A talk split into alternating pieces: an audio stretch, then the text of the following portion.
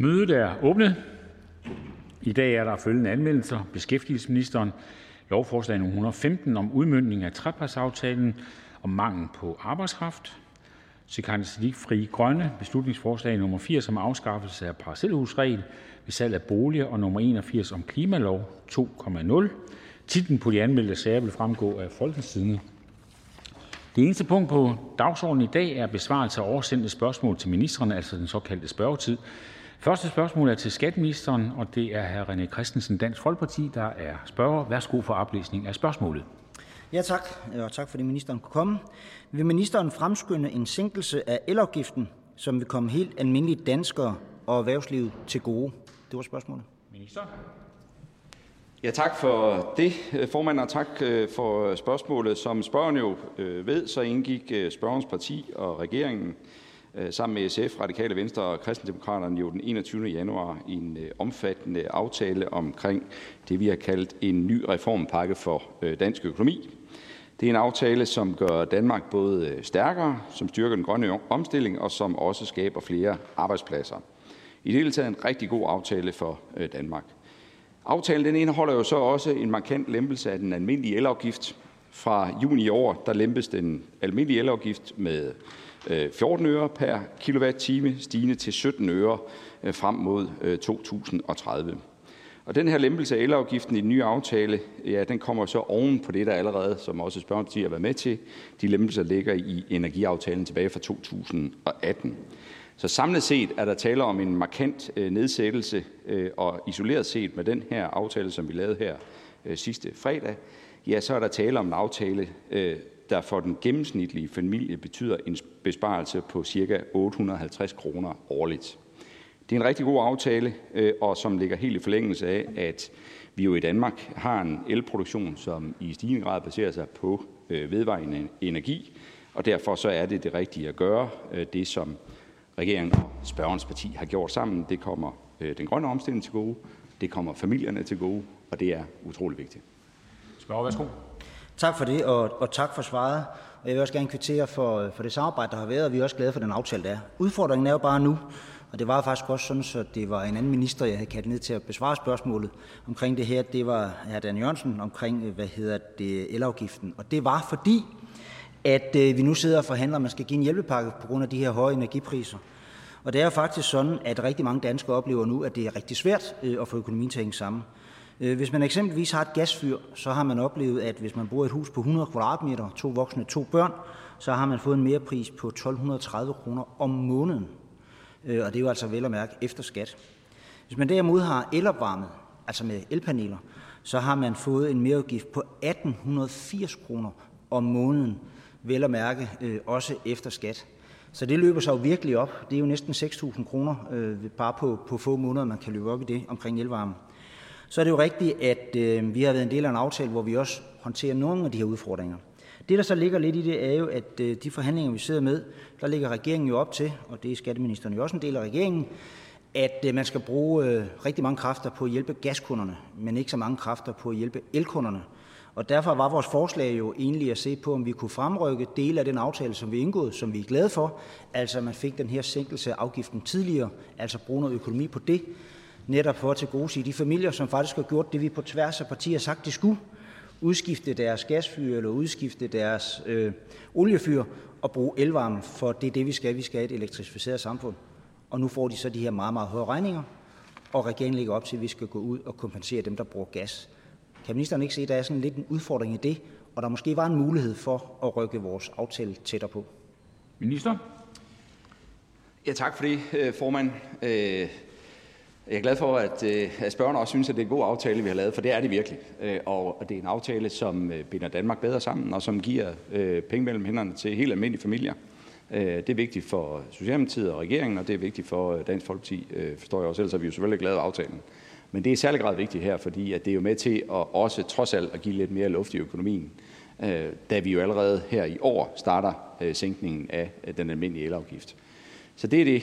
Øh, så spørger spørgeren jo så til forhandlinger, der pågår hos en kollega, og belært af erfaring, så tror jeg, det er bedst, at de foregår der og ikke her. Hr. René Christensen, værsgo. Jo, men udfordringen er jo bare, som ministeren også sagde, og den aftale står jo selvfølgelig på mål for, at med det, der ligger i den aftale omkring sænkelse af afgifterne frem mod øh, 2030, så siger ministeren også fuldstændig rigtigt, det er omkring 800 kroner om året, der ligger en besparelse der. Og det er jo rigtig sundt for, øh, for den enkelte dansker. Udfordringen er jo bare, at nogen står nu med en udgift, en mere udgift på 1880 kroner om måneden. Så kan man jo sige, at de 800 kroner om året, det er nok ikke det, der gør, at man kan blive boende, eller man ikke kommer i Ribos, eller man ikke kommer ud på, på skråplan i forhold til sin økonomi. Så derfor, selvom forhandlingerne ligger et andet sted, kan ministeren ikke se, at der er en udfordring. Tak for det, minister. Værsgo. Det er der helt bestemt. Øh, der er ingen tvivl om, at øh, man kan sige, den energikrise, som der jo grundlæggende er tale, og klimakrise, som jo grundlæggende også øh, er under det her, det er en kæmpe udfordring. Og derfor har regeringen også indkaldt til forhandlinger. Og jeg ved, der pågår drøftelser hos min gode kollega, her Dan Jørgensen og klimaministeren, som plejer at sidde her ved siden af mig her i salen. Og jeg forstår også, at de er god gænge. Det er vigtigt, og der er familier, som på grund af de ekstra regninger, som dumper ind enten i brevsprækken eller ved e-boksen nu, øh, er øh, udfordret. Og det er noget af det, vi drøfter ved øh, forhandlingsbordet hos klimaministeren. René Christensen, sidste spørgsmål. Værsgo. Jamen tak for det, øh, og jeg har selvfølgelig fuld forståelse for, at ministeren ikke kan svare på det, og det er også derfor, jeg er lidt ærgerlig over, at det er skatteministeren, der er her, og ikke klimaministeren, der er her.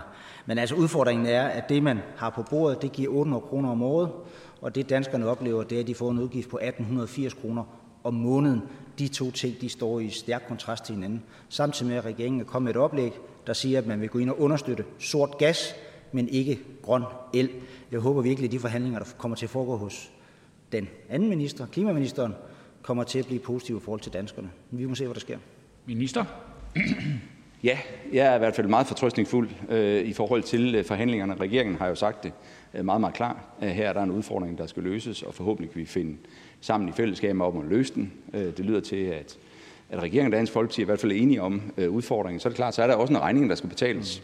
Den fandt vi sammen om at løse øh, i forbindelse med reformpakken. Og en ting er jo sænkelsen af den almindelige elafgift, men når spørgeren nu har fat i skatteministeren, så skal man også huske på, så ligger der også en, en forhøjelse af beskæftigelsesfradraget, som jo også i takt med, at det bliver indfaset, jo også vil give almindelige familier en yderligere lempelse. Spørgsmålet er slut. Tak til skatteministeren. Tak til hr. René Christensen. Og tak for svaret. Vi går videre, og nu er det spørgsmål til ministeren for fødevare, landbrug og fiskeri, og det er hr. Torsten Gejl, Alternativet. Værsgo for oplæsning af spørgsmålet. Mener ministeren, at brækket brystben på høns er en nødvendig pris, som den enkelte høne må betale, så danskerne fortsat kan spise æg? Minister. Først og fremmest er jeg rigtig glad for, at det her spørgsmål bliver rejst. Det er noget, vi har arbejdet indgående med i en længere periode. Det er noget, vi tager meget alvorligt. Og for at svare helt kort på spørgsmålet, så synes jeg selvfølgelig ikke, det er rimeligt, øh, at det er sådan, at de her øh, høns skal udsættes for det, at man brækker brystbenet med den eventuelle smerte, det kan medføre. Jeg vil gerne sige, at jeg var meget rystet og ked af det, da jeg hørte den her historie, at hele 85 procent af vores liggehøner og det vil at mærke, uanset hvad for en form for øh, høns, der er tale om, øh, om det er noget, der er økologisk, eller fritgående, eller i buer, eller noget andet. 85 øh, procent af dem alle lider under det her. Det er dybt uacceptabelt. Jeg har haft møder med branchen og med eksperter, og det jeg kan forstå, det er, at øh, man sådan set ikke kan gøre så meget ved det på managementniveau, altså i forhold til ægproducenterne. Det er dem, der laver avlsprogrammer for læggehøner. Det er der, problemet ligger. Der findes øh, mig bekendt to store firmaer, et i Tyskland og et i Frankrig, som er dem, der øh, står for at fremavle de her læggehøner. Og det er der, problem, problemet ligger. Derfor har jeg taget det op på et EU-niveau, hvor jeg var rigtig glad for, at der var bred opbakning fra samtlige EU-ministre til, at vi skal tage det her meget alvorligt, indskrive det i vores politik for dyrevelfærd i EU, og få stoppet de avlsprogrammer, der ligger hos de pågældende firmaer, så liggehønerne fremover ikke bliver for små og lægger for store æg, så man får det her problem. Altså problemet, som, øh, som ministeren også siger, som vi adresserer med de her spørgsmål, handler jo om, at øh, 85 procent af danske høns, burhøns, fritgående høns, sågar økologiske høns, jo øh, brækker brystbenet, når de lægger æg. Det betyder, at over 80 procent af de æg, vi spiser til morgenmad, er lagt af en høne, der har brækket brystbenet ved æglægningen. Mange af dem flere gange. Øh, alt tyder på, at det er forbundet med stor smerte for hønen. Problemet er, at vi har fremavlet høns, der ikke kan holde til at lægge næsten et æg om dagen. I gamle dage lagde høns måske 20 æg øh, om dagen om året. Om året. Øh, nu ligger de over 300 æg om året. Det fortalte jeg også statsministeren her i salen, og hun virkede ægte overrasket og berørt af det. Ligesom fødevareministeren også gør, og ligesom alle, vi snakker med det her om, øh, gør. Statsministeren sagde, at hun ville tage det op med fødevareministeren, da jeg forelagde problem for hende. Så derfor er mit spørgsmål, har statsminister Mette Frederiksen taget emnet op med, med hr. Rasmus Prehn? Øh, og hvad har, eventuelt, hvad har henvendelsen eventuelt ført til? Minister? Jamen, der er ikke nogen tvivl om, at dyrevelfærd er meget højt på regeringens dagsorden, og derfor er det også noget, jeg har haft samtaler med statsministeren om. Og som jeg nævnte øh, i mit første indlæg, så har vi gjort det, at vi har skrevet til samtlige øh, EU-ministre øh, på det her område. Øh, vi har taget det op øh, på rådsmødet og fået opbakning til et udredningsarbejde, der foregår i EU-regi, men også det, at vi skriver det med øh, læggehøns øh, dyrevelfærd ind som et opmærksomhedspunkt i EU's politik på det her område. Så der bliver arbejdet målrettet på det. Der er også et stykke forskningsarbejde i gang og andet. Altså det problem, som vi adresserer, det, det sker jo lige nu for millioner af høns derude, øh, som, som jo oplever stor smerte ved at brække de, de brystben her. Og øh, som jeg hører det, så måske den øh, avlsmæssige øh, initiativ, der er gang i, kan vare 10 år, 15 år. Altså var det ikke for længe, hvis vi skal til at vente på EU? Kan vi ikke gøre noget for at, for at få det stoppet her i Danmark? Altså vi, vi, vi må vel kunne lovgive for det her ting, sådan at, at vi, vi får det stoppet før. Minister? Jamen, jeg er helt enig i, at det kan kun gå for langsomt. Altså hver dag, der er en høne, der må lide under det her, det er en dag for meget. Ingen tvivl om det. Men uanset hvad vi har af lovgivning i Danmark, så ændrer det ikke på, at de her øh, læggehøner er fremavlet på en måde, så vi har den her udfordring. Så hvis vi skal have løst det, så foregår det i avlsprogrammet. Det positive er, at det så ikke tager 8-10 år, øh, som hr. Thorsten Geil er inde på, men det måske kan gøres i løbet af en kortere overrække. Øh, så det er det, vi arbejder målrettet på. Hr. Thorsten Geil, sidste spørgsmål. Værsgo. Jamen altså i Alternativet, der, der, der, der er vi i tvivl om, om problemet vil blive løst af branchen inden for de næste øh, 15 år. Vi kan se de, de øh, initiativer, der har været for at, at, øh, at løse det og, og producere mindre æg inden for de sidste par år, har ikke hjulpet. Øh, derfor tænker vi også, hvis Alternativet fremsætter beslutningsforslag her i salen, der strammer dyrevelfærdsloven op på en måde, så det ikke er lovligt, at høns bliver udsat for knoglebud og smerte i Danmark, vil ministeren Socialdemokratiet så overveje at stemme for sådan et forslag? Minister? Min bedste overbevisning er, at hele branchen er dybt berørt af det her og arbejder dedikeret, målrettet øh, på at løse det her problem.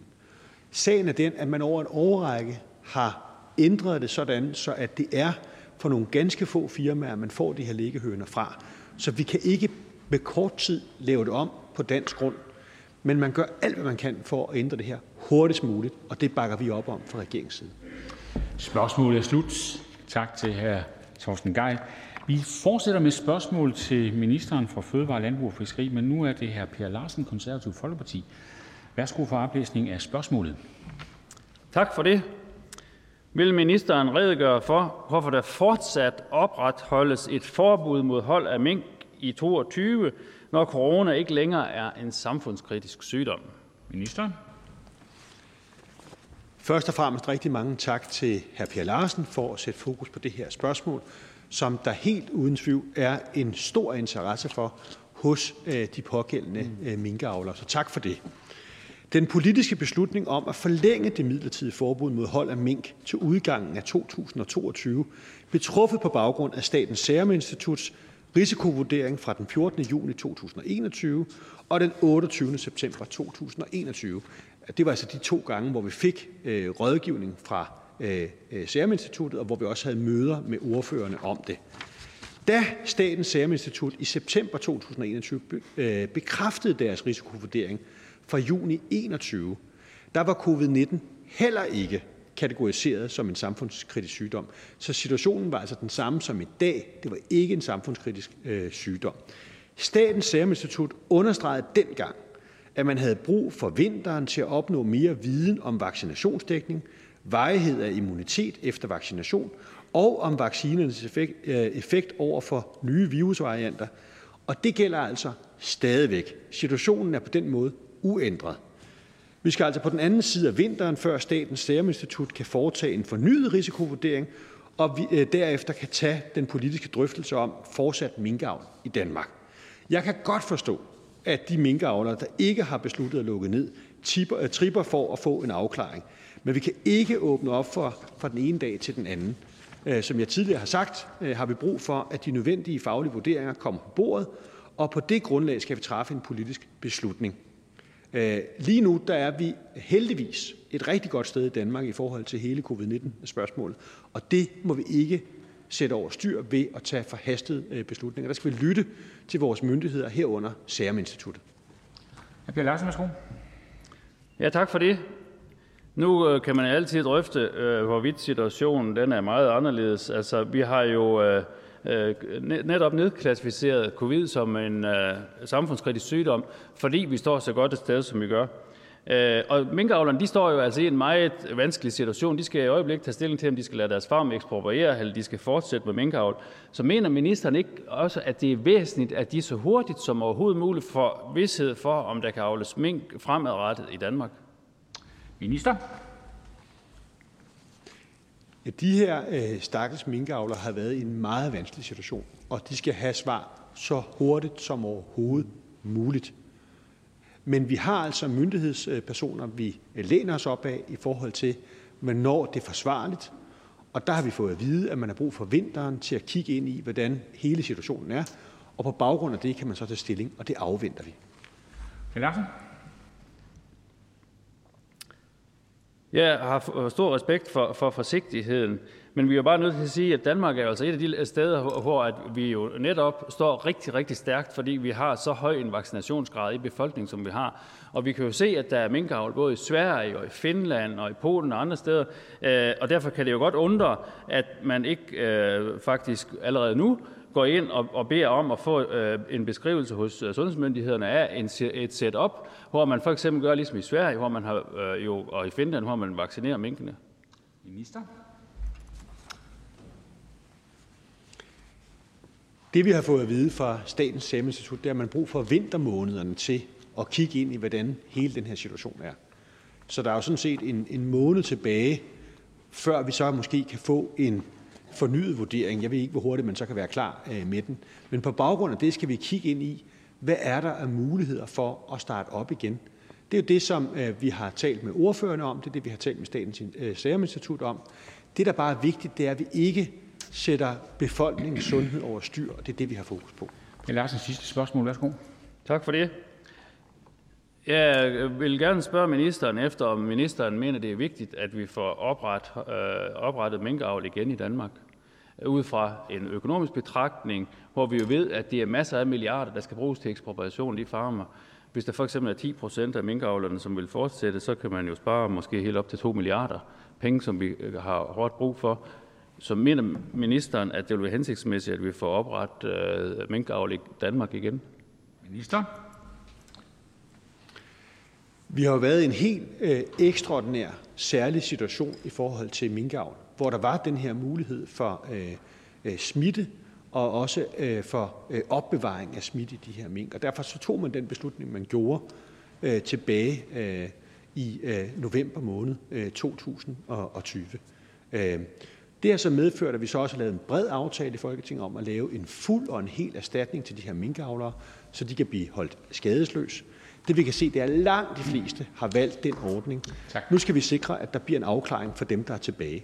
Tak for det. Spørgsmålet er slut. Tak til hr. Per Larsen. Tak til ministeren. Jeg ved ikke, om ministeren lige vil banke. Ja, integrationsministeren er her.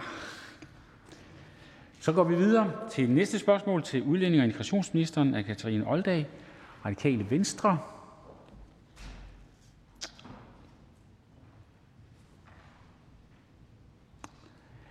Værsgo for oplæsning af spørgsmålet.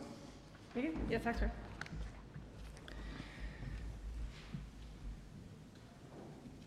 Jeg vil gerne høre, hvad ministerens holdning er til, at unge, der er født og opvokset i Danmark, får afslag på permanent opholdstilladelse udelukkende, fordi de vælger at skifte uddannelsesretning. Minister? Det korte svar er, at det er jeg træt af. Permanent opholdstilladelse er jo et tilsavn om et mere fast og et mere vejet ophold her i landet, og det er derfor både fornuftigt og rimeligt, at vi normalt stiller strenge krav om, at man har bidraget til samfundet og integreret sig, før man kan få permanent opholdstilladelse. Det er jeg tilhænger af. Det indebærer som det klare udgangspunkt blandt andet et krav om beskæftigelse. Men vi har også en regel om, at vi skal tage lidt højde for unge udlændinge. Selvsagt, at de er i en alder, hvor man ikke er i så meget beskæftigelse, hvor man mere uddanner sig. Og derfor har vi en særregel om, at unge under 19 år kan få permanent opholdstilladelse, hvis den unge har været i fuldtidsbeskæftigelse eller under uddannelse siden folkeskolen og opfylder de øvrige betingelser for permanent ophold. Altså bortset fra beskæftigelseskravet. Vi kræver altså ikke, at den unge har været i 3,5 års beskæftigelse inden for de sidste 4 år. Vi kræver til gengæld, at den unge har haft fuldtidsjob eller været i uddannelse siden folkeskolen. Samtidig skal den unge opfylde blandt andet krav om opholdets varighed, danskprøvekrav og selvforsørgelseskrav, og heller ikke have begået visse former for kriminalitet. Jeg er flere gange blevet citeret for at have sagt, at vi skal have en stram, men ikke en skør udlændingepolitik, og det mener jeg fortsat. Og jeg anerkender derfor også, at der kan være et behov for at gøre de her regler for de 18-19 år mere smidige, så de får den tilsigtede virkning, og så vi ikke ser de her eksempler på, at velfungerende unge kommer i klemme. Og på den baggrund har jeg nu bedt mine embedsmænd om at undersøge reglerne nærmere, hvordan de virker i praksis. Målsætningen er, at vi skal have nogle regler for permanent ophold mellem de 18-19-årige, som er stramme, men ikke skøre. Det betyder blandt andet, at jeg ønsker at holde fast i kravet om, at man ikke har begået alvorlig kriminalitet, men at jeg godt kan se, at der er behov for at justere reglerne for, øh, øh, hvordan vi forstår uddannelse og fuldtidsbeskæftigelse. Det er jo en fantastisk nyhed, at øh, ministeren nu rent faktisk har til hensigt at få kigget på de her regler øh, og justeret. Det bliver spændende at gå ind i det arbejde og se, hvad det øh, reelt kommer til at betyde. Det kommer vi selvfølgelig i øh, dialog omkring. Øh, baggrunden for, at jeg overhovedet stiller det her spørgsmål, det er jo, øh, at vi har en helt aktuel sag med Timer Mehik fra Horsens, som øh, er fanget øh, i det her regler, i det hun har skiftet ungdomsuddannelse midt i skoleåret, og derved ikke været, hvad man måske generelt vil kalde studieaktiv i tre måneder, selvom hun dog har været til med to uddannelser på én gang. Så vi har altså en gruppe af, af unge, øh, der har en anden herkomst, og som alligevel er faldet til i Danmark. Og så er mit spørgsmål egentlig, hvad er det generelle hensyn til, at man ikke vil anerkende Taima, øh, som der jo ligger bag de her regler, og andre som hende, som er født og opvokset i Danmark, som danske? Og, øh, og nu når vi alligevel er i gang med at se på reglerne for permanent opholdstilladelse, kunne man så ikke også få ændret beskæftigelseskravet, så det også omfattede uddannelse? Minister? Øh, de generelle regler for permanent ophold, der synes vi, det er fornuftigt, at vi har et beskæftigelseskrav. Vi har også sagt tidligere, at når man vurderer, hvorvidt folk har været i beskæftigelse, så skal øh, al beskæftigelse tælle med, og det betyder også, at hvis man for eksempel øh, har været i lærer eller elev et sted, hvor man har fået løn som en del af sin uddannelse, så synes vi også, det skal tælle med i beskæftigelseskravet. Omvendt, hvis man har været på SU, så synes vi ikke, det skal tælle med. Det kommer vi til at fremlægge forslag for øh, fra regeringens side, og vi kommer også til at kigge på de her regler. Katrine Oldag, værsgo. Vil ministeren så garantere med de ændringer, der skal laves nu, at unge øh, som Taima, der skifter studieretning fremover, ikke skal frygte, at det vil gå ud over deres mulighed for at få permanent opholdstilladelse?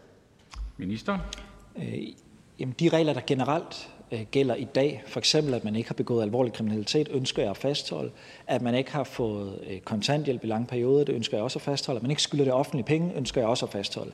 Så har vi også en regel om, at man skal have været i fuldtidsbeskæftigelse eller uddannelse siden folkeskolen. Og jeg tror, det er for at sige, at du ikke skal ligge hjemme på sofaen. Men vi må nok også bare erkende i dag, at mange unge skifter jo mellem ungdomsuddannelser. Det har jeg selv gjort. Jeg droppede ud af gymnasiet efter fire måneder, og så tog det også lidt tid, før jeg startede på teknisk skole. Og det er jo helt normalt, og det skal vi ikke gøre til et problem, heller ikke for unge, der ikke har dansk pas. Katrine Oldag, sidste spørgsmål. Værsgo. Det er jo ikke første gang, vi hører om den slags sager.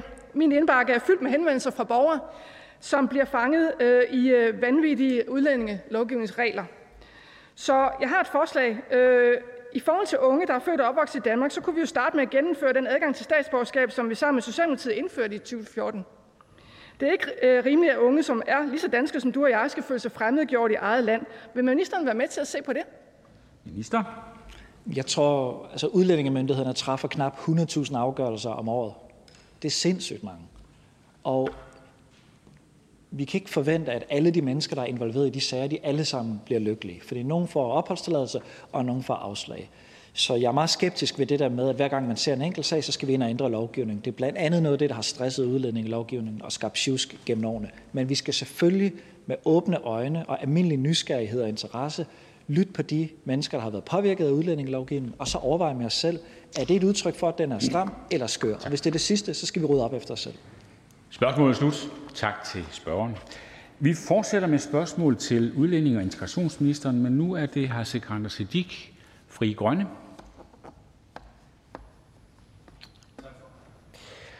Værsgo for oplæsning af spørgsmålet.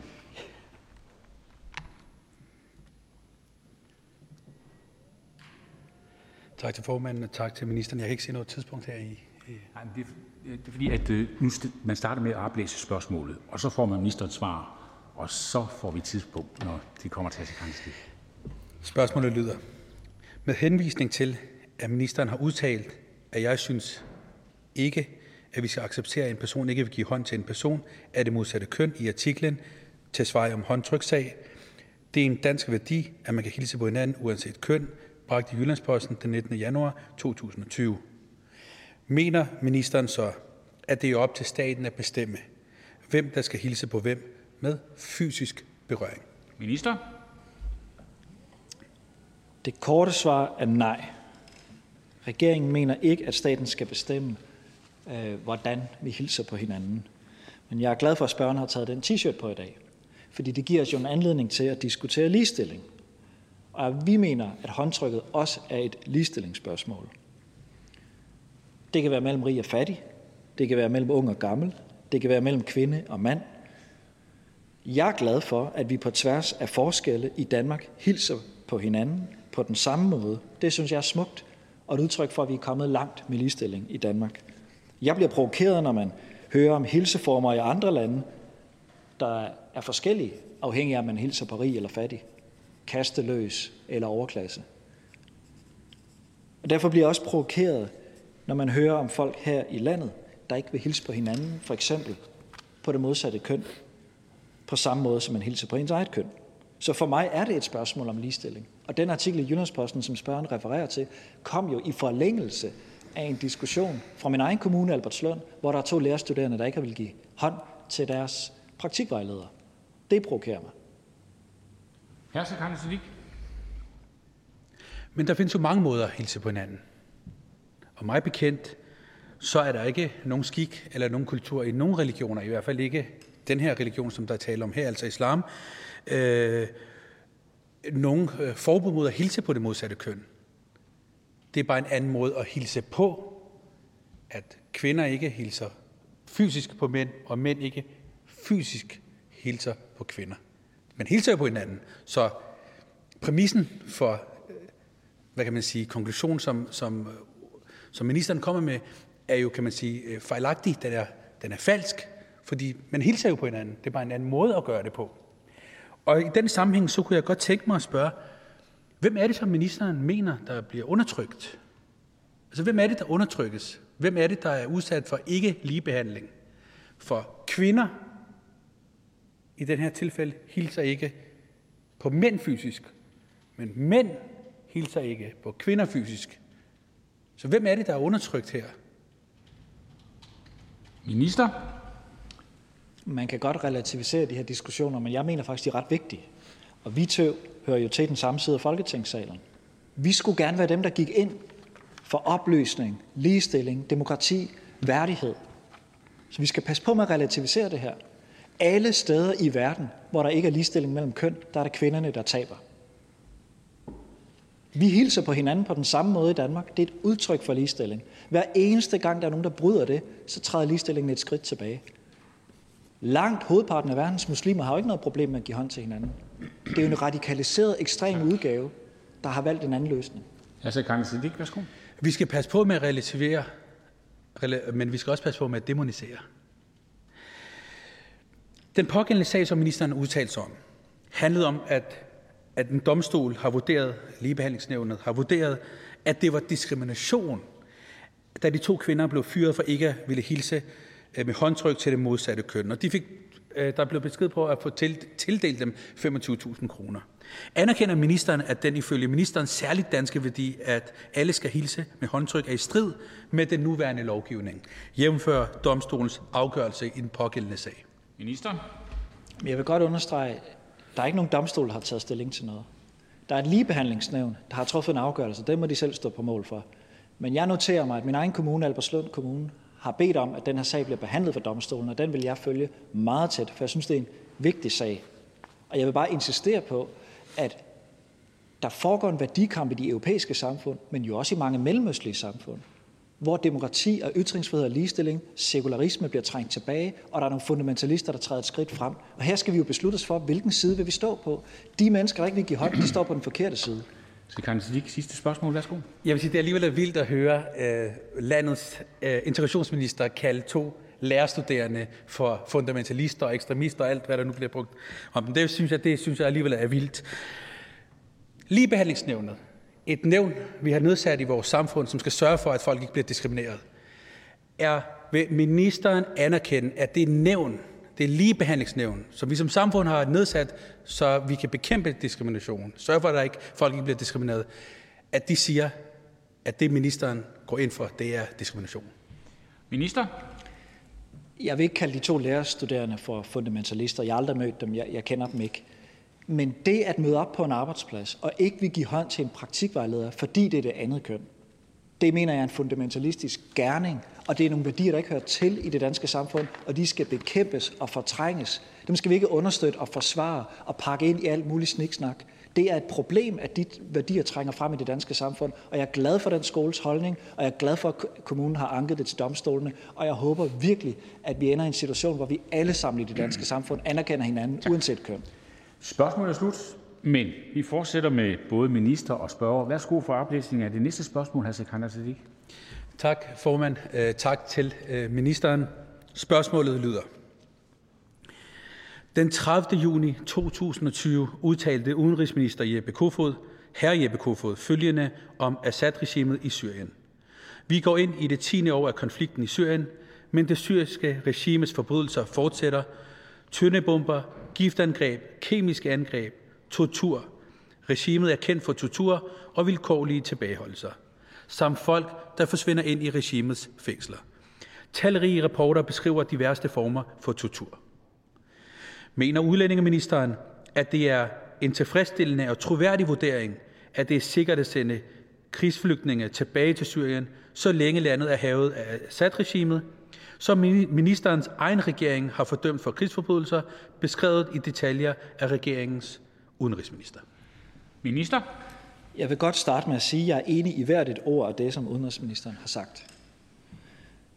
I 2015 der vedtog et bredt flertal i Folketinget, at asyltilladelser meddelt på baggrund af de generelle forhold skal inddrages eller nægtes forlænget, når der er sket en forbedring af de generelle forhold i hjemlandet. Det er syv år siden. Det gælder uanset, at forholdene fortsat er alvorlige, skrøbelige og uforudsigelige, så længe forbedringerne ikke er af helt midlertidig karakter. Det er på baggrund af den lov, at myndighederne træffer deres afgørelser, og det er selvfølgelig vurderingen, at lovgivningen er inden for rammerne af Danmarks internationale forpligtelser. Der har heller ikke været nogen sager, som Danmark har fået imod sig i den forbindelse. Det er i første instans Udlændingestyrelsen og derefter Flygtningenævnet, der vurderer, om de generelle forhold i et land eller område er forbedret i en sådan grad, at der i den konkrete sag ikke længere består et behov for beskyttelse i Danmark. Det betyder med andre ord, at de personer fra Syrien, som har fået at vide, at de skal rejse hjem, har fået den besked, fordi myndighederne har vurderet, at de ikke længere har et beskyttelsesbehov og dermed ikke længere er flygtninge. Personer, som fortsat har et beskyttelsesbehov, det er trods alt de fleste, fordi de risikerer forfølgelse eller overgreb, får naturligvis lov til at blive i Danmark. De får forlænget deres opholdstilladelser.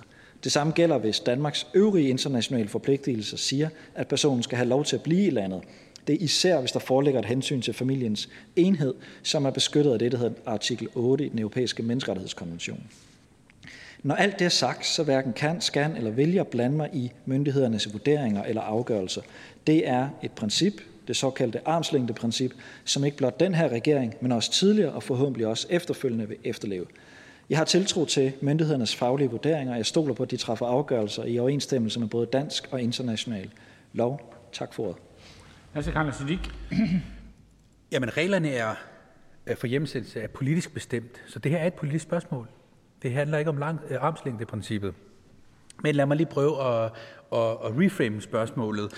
Altså udtalelserne fra udenrigsministeren kom to dage efter, at regeringen udsendte en pressemeddelelse om, at nu vil man begynde at revurdere de her sager øh, om syriske flygtninges, flygtninges beskyttelsesbehov, og samtidig begyndte Udlændingsstyrelsen at fratage syriske flygtninge opholdstilladelse og sagde, at det var sikkert at rejse hjem. Altså to dage efter.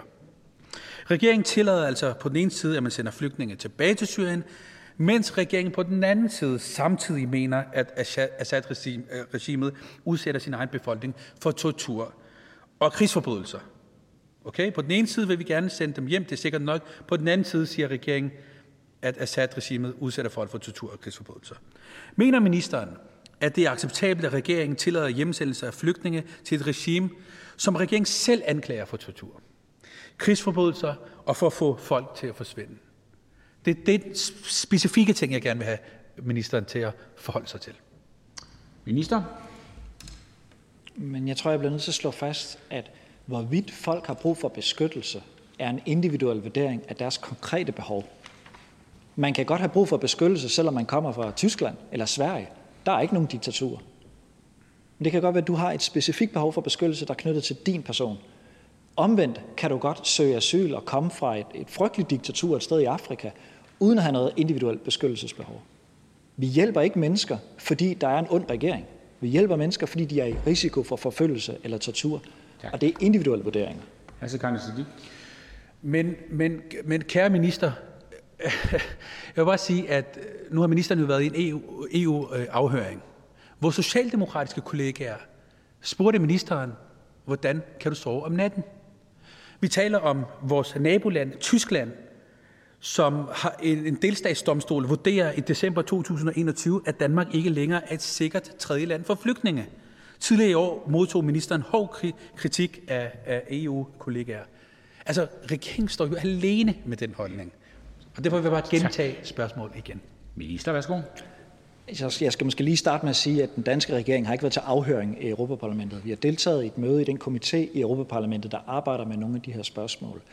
Øh, og det er rigtigt, der er en øh, fra sådan et lidt yderliggående parti, vil jeg vurdere det til, der siger, hvordan kan du sove om natten? Og øh, jeg har selv gået og spekuleret lidt over det spørgsmål, for jeg mener egentlig ikke, at vi i Europa burde sove roligt om natten med det nuværende asylsystem. Der var mange af os, der vågnede op og var forfærdet, da vi så et billede af en seksårig dreng, der var skyllet op på en europæisk kyst. Det tror jeg, vi begge to var forfærdet over. Men der er døde 22.000 mennesker de seneste år i Middelhavet. Tak vi bør ikke sove roligt om natten, men det er fordi asylsystemet er i stykker. Tak. Sidste spørgsmål til hr. Sikandar Siddiq. Jeg havde jo forberedt et andet spørgsmål, men, men svaret giver jo virkelig en anledning til at, at spørge. Okay. Jeg vil så afslutningsvis spørge ministeren. Vil regeringen støtte et forslag om en flygtningepolitik, som lever op til FN's flygtningekonvention, der giver flygtninge ret til ikke at blive sendt tilbage til krig eller forfølgelse, eller insisterer regeringen på, at man skal kunne sende flygtninge tilbage til giftangreb, kemiske angreb og tortur med regeringens egne ord. Nu får ministeren øh, muligheden for, med det her åbne spørgsmål, og, og, øh, og bod på, på, på, Så på den fejlslagende politik. For at svare. Værsgo. Altså spørgsmålet er, vil regeringen støtte en regel, der lever op til FN's flygtningekonvention og sikre, at folk ikke bliver sendt hjem til forfølgelse eller tortur? Til det er svaret ja. Men der er ikke nogen grund til at fremsætte den regel, for det har allerede været en del af dansk lovgivning i årvis. Danmark var det første land, der underskrev flygtningekonventionen. Vi er det sidste land til at forlade den. På den årlige vurdering af retsstandarderne i hele verden, har Danmark i seks år i træk ligget nummer et i det, der hedder Rule of Law Index. Der er ingen grund til at frygte, at det danske retssystem, herunder flygtningenevnet, øh, ikke lever op til de internationale forpligtelser, vi er en del af. Tak for det. Spørgsmålet er slut. Tak til hr. Sikandar Siddiq. Tak til ministeren. Tak til Og nu går vi videre, og nu er det spørgsmål til beskæftigelsesministeren, og det er fru Annie Mathisen, Venstre. Værsgo for oplæsning af spørgsmålet. Tak for det, formand. Hvad mener ministeren om, at det på baggrund af regeringens nye reformaftale fremover bedre kan betale sig at være på dagpenge, frem for i arbejde for 126.000 danskere, ifølge en undersøgelse fra DA? Minister. Tak for spørgsmålet. Dagpengesystemet er en hjørnesten i den danske flexicurity-model, som bidrager med tryghed til lønmodtagere og fleksibilitet til arbejdsgiverne. Derfor glæder det mig rigtig meget, at vi med en ny reformpakke for dansk økonomi har aftalt, at der skal investeres i dagpengesystemet, så vi fremtidssikrer den danske model. Investeringen sker blandt andet ved, at ved et beskæftigelsestillæg i starten af dagpengeperioden, så det bliver muligt at få op til 23.000 kroner i de første tre måneder af dagpengeperioden. Beskæftigelsestillægget gælder for personer, som har været i arbejde og lojalt bakket op om fællesskabet i dagpengesystemet igennem en årrække. Og så gælder det jo som i dag, hvilket er vigtigt at huske på, at den maksimale kompensationsgrad i dagpengesystemet fortsat maksimalt er 90 procent af ens tidligere løn. At tillægget bortfalder efter tre måneder sikrer desuden, at der fortsat er en tilskyndelse til at søge arbejde. Det gælder også i de første tre måneder af dagpengeperioden. Jeg mener, at vi har fundet en god balance mellem tryghed og tilskyndelsen til at finde arbejde. Afslutningsvis vil jeg sige, at det er min og regeringens klare opfattelse, at ingen danskere drømmer om at være på dagpenge. De vil arbejde. Men hvis ledigheden alligevel skulle indtræffe, så er jeg rigtig glad for, at vi på en balanceret måde øger indkomstsikkerheden i dagpengesystemet. Samtidig er jeg glad for, Beskæftigelsestillægget indgår i en samlet og balanceret aftale, der samlet set øger den strukturelle beskæftigelse med ca. 12.000 fuldtidspersoner og øger vores bruttonationalprodukt med 17,5 milliard i 2030. Nu mangler vi bare, at Venstre trækker i arbejdstøjet, lægger stridsøkserne væk og bakker op om aftalen, så vi kan få de mange gode tiltag til at virke i en fart. Fru Anne Mathisen. Jeg kan jo så indlede med at sige, at øh, i Venstre der er vi altid i arbejdstøjet. Øh, det synes jeg faktisk, man er forpligtet til, også som folketingsmedlem, at være. Og når jeg kommer rundt øh, i mit lokalområde, så noget af det, som jeg hører allermest øh, som formand for Folketingets erhvervsudvalg, det er jo simpelthen, at øh, erhvervslivet skriger på arbejdskraft. Og derfor øh, så synes jeg jo, der er nogle uhensigtsmæssigheder i, at man på en eller anden måde jo nu justerer, og det kan godt være, at ministeren siger, at øh, det er en fremtidssikring af dagpengesystemet, men giver ministeren mig ikke ret i, at det faktisk kan have den betydning, at der vil være færre, der kommer i arbejde? Minister? Altså, det, det tror jeg helt grundlæggende ikke på. Øh, og i virkeligheden vil jeg også være ærlig at sige, at det her tiltag er jo blandt andet også øh, jo set i lyset af, at coronakrisen det har jo afsløret for os alle sammen, uanset hvilken arbejdsmarkedstilknytning vi har, at vi kan blive arbejdsløse. Og der kan vi se, at der har været et behov for os at sige, hvordan går vi så ind og sikrer, at hvis man uden egen skyld skulle gå hen og blive arbejdsløs, enten det skyldes en virus fra den fjerne verden, eller en finanskrise eller lignende, at man i de første måneders ledighed kan føle sig tryg. Det er det, som det her forslag gør. Og hvis Venstre i øvrigt er i arbejdstøjet, så vil vi meget gerne øh, hjælpe til med, at de initiativer, der ligger i reformaftalen, kan komme ud og virke. Det hjælper samtidig at speed up, men øh, man er stadigvæk overskrevet hele tiden. Fru Annie Mathisen, værsgo. Ja, tak.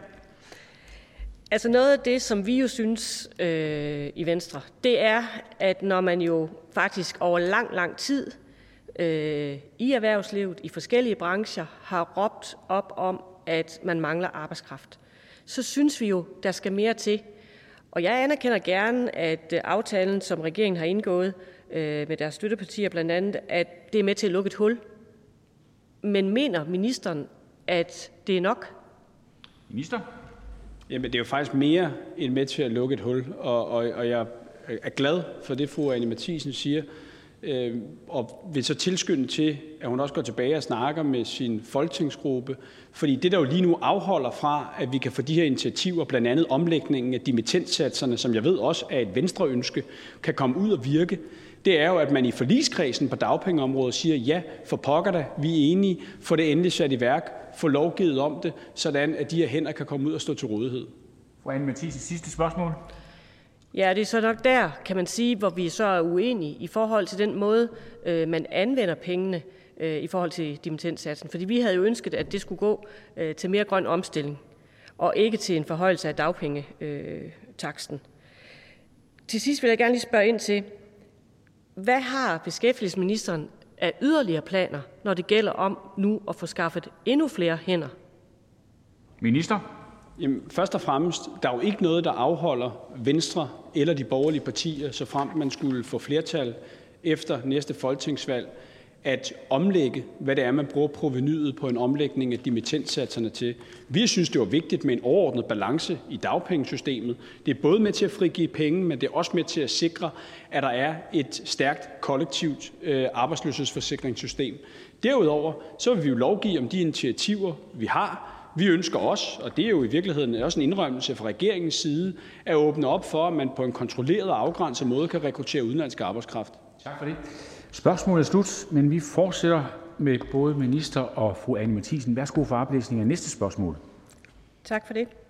Er ministeren enig i, at det er dybt problematisk, at vores danske oplevelses- og turismebranche ikke kan skaffe de nødvendige hænder til at betjene kunder, mens regeringen samtidig gør det mere favorabelt at 126.000 danskere at vælge dagpenge til, frem for eksempelvis at gøre rent på et af vores mange pressede hoteller? Minister. Endnu en gang tak for spørgsmålet. Vi står lige nu i en situation, hvor beskæftigelsen er rekordhøj. Arbejdsløsheden er lav, og vi har et erhvervsliv, der skriger på arbejdskraft. Hvis virksomhederne ikke kan få de hænder, som de har brug for, så er det åbenlyst, så taber vi alle sammen. Det har vi som samfund ikke råd til. Og vi har gjort flere ting for at imødekomme efterspørgselen. Dels en trepartsaftale om mangel på arbejdskraft i efteråret, og nu en reformpakke med initiativer om udenlandsk arbejdskraft, flere dimittenter i arbejde, mindre modregning for pensionister og pensionisters ægtefæller, der arbejder, og et beskæftigelsesfradrag, der skal gøre det mere attraktivt at tage en ekstra tørn på arbejdsmarkedet. En reformpakke med mange elementer, som de borgerlige partier tidligere har efterspurgt, og nu alligevel ikke vil tillade rent faktisk bliver ført ud i livet i de forligskredse, hvor de har noget at skulle have sagt. Med reformaftalen øger vi den strukturelle beskæftigelse med omkring 12.000 fuldtidspersoner. Et af forslagene i aftalen er et beskæftigelsestillæg, som også er det, spørgeren er inde på her, nemlig om det stadig kan betale sig at arbejde. Og ja, det kan det. Det er fortsat sådan, at man maksimalt kan få en dagpengesats på 90 procent af tidligere løn. Det ændrer beskæftigelsestillægget ikke på. At tillægget bortfalder efter tre måneder sikrer desuden, at der fortsat er en tilskyndelse til at søge efter arbejde. Det gælder også i de første tre måneder af dagpengeperioden. Og med aftalen har vi fundet den rette balance mellem tryghed for den enkelte lønmodtager og samtidig en tilskyndelse til at søge job. Det er en investering i den danske model og den fleksibilitet, som kommer hele samfundet til gavn, også virksomhederne. Og lad mig så bare minde om, der er ikke nogen, som drømmer om at være på dagpenge. De vil i arbejde. Med reformaftalen giver vi et svar på at øge det strukturelle arbejdsudbud.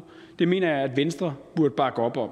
Jeg vil derfor appellere til, at Venstre dropper de politiske markeringer og i stedet bakker op om, at vi kan få de mange gode initiativer ud og virke hurtigst muligt.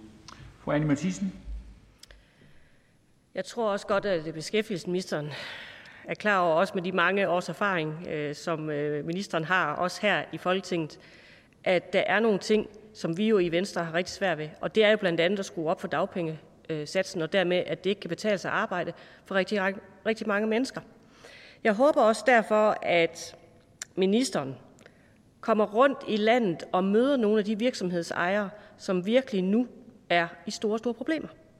Jeg kan jo sige, som turismeordfører, er det noget af det, som jeg møder næsten dagligt. Altså både hoteller, men også hele oplevelsesindustrien, som simpelthen mangler rigtig mange hænder. Jeg kan sige, at hvis man læser Jyske Vestkysten og har gjort her den seneste uges tid, så har der næsten dagligt været eksempler på virksomheder, som kunne ansætte både 10 og 20 og 30 medarbejdere allerede i morgen, hvis de var der. Og jeg synes, det er ærgerligt, at man ikke gør mere for at sikre, at for eksempel også udenlandsk arbejdskraft øh, kan komme hertil. Det er mange af de stillinger, hvor der er hårdt brug for, at også flere udlændinge kan komme hertil for at arbejde. Jeg kan jo sige, at øh, LaLandia i Bilund mangler 120 medarbejdere. Jeg kan sige, at planteskoler i Sønder kan ansætte 10-15 medarbejdere i morgen, hvis de var der. Og det er egentlig derfor, jeg appellerer lidt til, at ministeren kigger på, hvordan kan vi hjælpe de her virksomheder. For i sidste ende rammer det jo os alle sammen, hvis de ikke får nogen i beskæftigelse. Minister?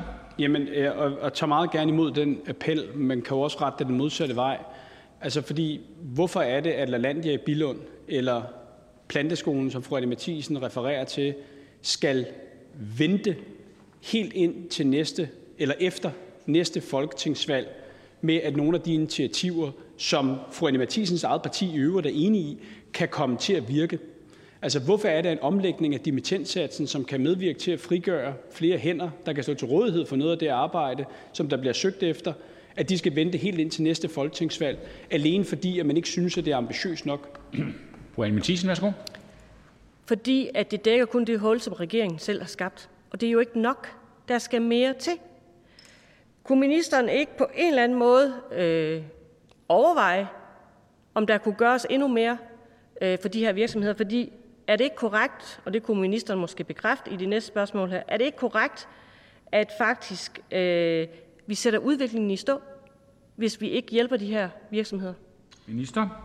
Jamen, det mener jeg er fuldstændig korrekt, og det er også derfor, jeg stiller mig fuldstændig uforstående over for, at Venstre i forligskredsene ikke bare vil tillade, at de initiativer, man i øvrigt selv er enige i, kan komme til at virke med det samme og så hurtigt som muligt, frem for at det skal forhales til efter næste folketingsvalg. Jeg kunne forstå det, hvis det var fordi, at man var tvunget til så at stemme for noget, man var uenig i, eller at man skulle sige god for noget, man var uenig i, men det er jo ikke tilfældet. De initiativer, der udelukkende er omfattet af forlig, det er alle sammen nogen, både på pensionsområdet og på dimittentdagpengeområdet, noget, som er en del af Venstres egen politik. Og derfor er det også Anne Mathisen, der skylder en forklaring til Alandia i Bilund. Så er det sidste spørgsmål til fru Anne Mathisen. Værsgo. Og det kan jeg så fortælle ministeren her til sidst, at øh, dem taler jeg også med. Men det jeg også hører, det er jo, at den måde, som regeringen vil anvende pengene på, er ikke den rette måde. Altså det med, at man vil skrue op for dagpengesatsen, det er jo ikke med til at få flere i beskæftigelse. Og det er jo egentlig derfor, jeg kommer med en appel også til ministeren. Prøv lige at måske retænke situationen og tænke, kunne vi gøre det her på en mere smart måde? Minister? Ja, helt grundlæggende, når det er, at vi gerne vil øge trygheden for folk, der bliver arbejdsløse, så er det jo for det første, fordi at noget af det, der gør danske virksomheder konkurrencedygtige sammenlignet med alle mulige andre virksomheder i hele Europa, det er, at vi har et arbejdsmarked, som er meget dynamisk, hvor det er nemt at fyre, det er nemt at hyre, og hvor der i øvrigt er en meget, meget stor jobomsætning. Den store jobomsætning på arbejdsmarkedet i Danmark er kun muliggjort af, at folk føler sig trygge i det tilfælde, de måtte blive arbejdsløse. Og den tryghed er ad åre blevet udhulet. Og det er derfor, vi gerne vil sikre, at man har en ordentlig tryghed i de første måneder, når man er blevet arbejdsløs, hvis man i øvrigt har en fast tilknytning til arbejdsmarkedet. Spørgsmål slut. Tak til fru Anne Mathisen, og tak til ministeren. Dagens sidste spørgsmål er til miljøministeren, og spørgeren er fru Mathisen, Nye Borgerlige. Værsgo for oplæsning af spørgsmålet. Tak. Hvad tænker ministeren om den store modstand blandt mange danskere og i flere landets kommunalbestyrelser over for den måde, som et flertal i Folketinget desværre har besluttet at indrette naturnationalparker på med sultne dyr bag høje hegn? Minister? Jamen, tak for det. Jeg øh, vil rigtig gerne tale om øh, naturnationalparkerne, men inden jeg går mere i, ind i at fortælle om, hvordan vi gerne vil give øh, dansk natur et historisk løft med blandt andet naturnationalparker, så jeg vil gerne lige starte med at rette et par misforståelser i det, som spørgeren her indleder med. For det første så har ordføreren fået dyrevelfærden lidt galt i øh, halsen. De dyr, vi udsætter bag hegn, skal selvfølgelig have det godt. Det gælder i dag, det gælder i de kommende naturnationalparker, sådan så at natur og dyrevelfærd går hånd i hånd. Ikke det modsatte, og det er uanset hvor mange falske påstande, som florerer derude i debatten. For det andet, så er hvert område, der vil blive udpeget til naturnationalpark, forskelligt. Det er altså ikke rigtigt, når ordføreren alene taler om høje hegn. Vi kender alle sammen de lave totrådede hegn fra utallige steder i Landbrugsdanmark, og græsning er kun et af de værktøjer, som der er brug for for at hjælpe naturen på vej. Vi vil for eksempel også genoprette våde områder i skovbunden og give plads til urørt skov. Og alt det her i dialog med borgere, med kommuner, med foreninger, for netop at finde gode lokale løsninger. Og det gælder både inden udpegning, men selvfølgelig også med de lokale projektgrupper, der vil blive oprettet efter udpegning. Vores natur er i krise. Det håber jeg, at ordføreren vil give mig ret i, og derfor der er der ikke blevet gjort nok i mange år, og det laver vi om på nu. Tak. Fru Mathisen, værsgo. Tak. I Hillerød, hvor jeg selv bor, og øh, indtil for nylig sad i kommunalbestyrelsen, der lykkedes det mig faktisk at få flertal for et kritisk høringssvar om netop øh, indhegningerne i Gribskov. Øh, og der var et klart flertal for at sige øh, nej til hegn i Gribskov, øh, og det samme gjorde sig gældende i Gribskov Kommune. I Nye Borgerlige der er vi stærke forkæmpere for vores naturværdier, fordi det danske, danske landskab det er smukt, vi skal passe på det, for det er jo en del af vores kulturarv. Men med loven om naturnationalparker, der gøres det jo muligt at holde tamdyr bag høje hegn. Og formålet, det kunne være eksempelvis at lade kvæg eller elge blive vilde i området. Øh, de skal måske ikke fodres, de skal leve af, hvad der er. Og øh, når der ikke er mere mad, så vil de jo så øh, dø af sult. Mener ministeren virkelig, at tamme dyr bag høje hegn bliver vilde, hvis de ikke fodres eller passes? Minister?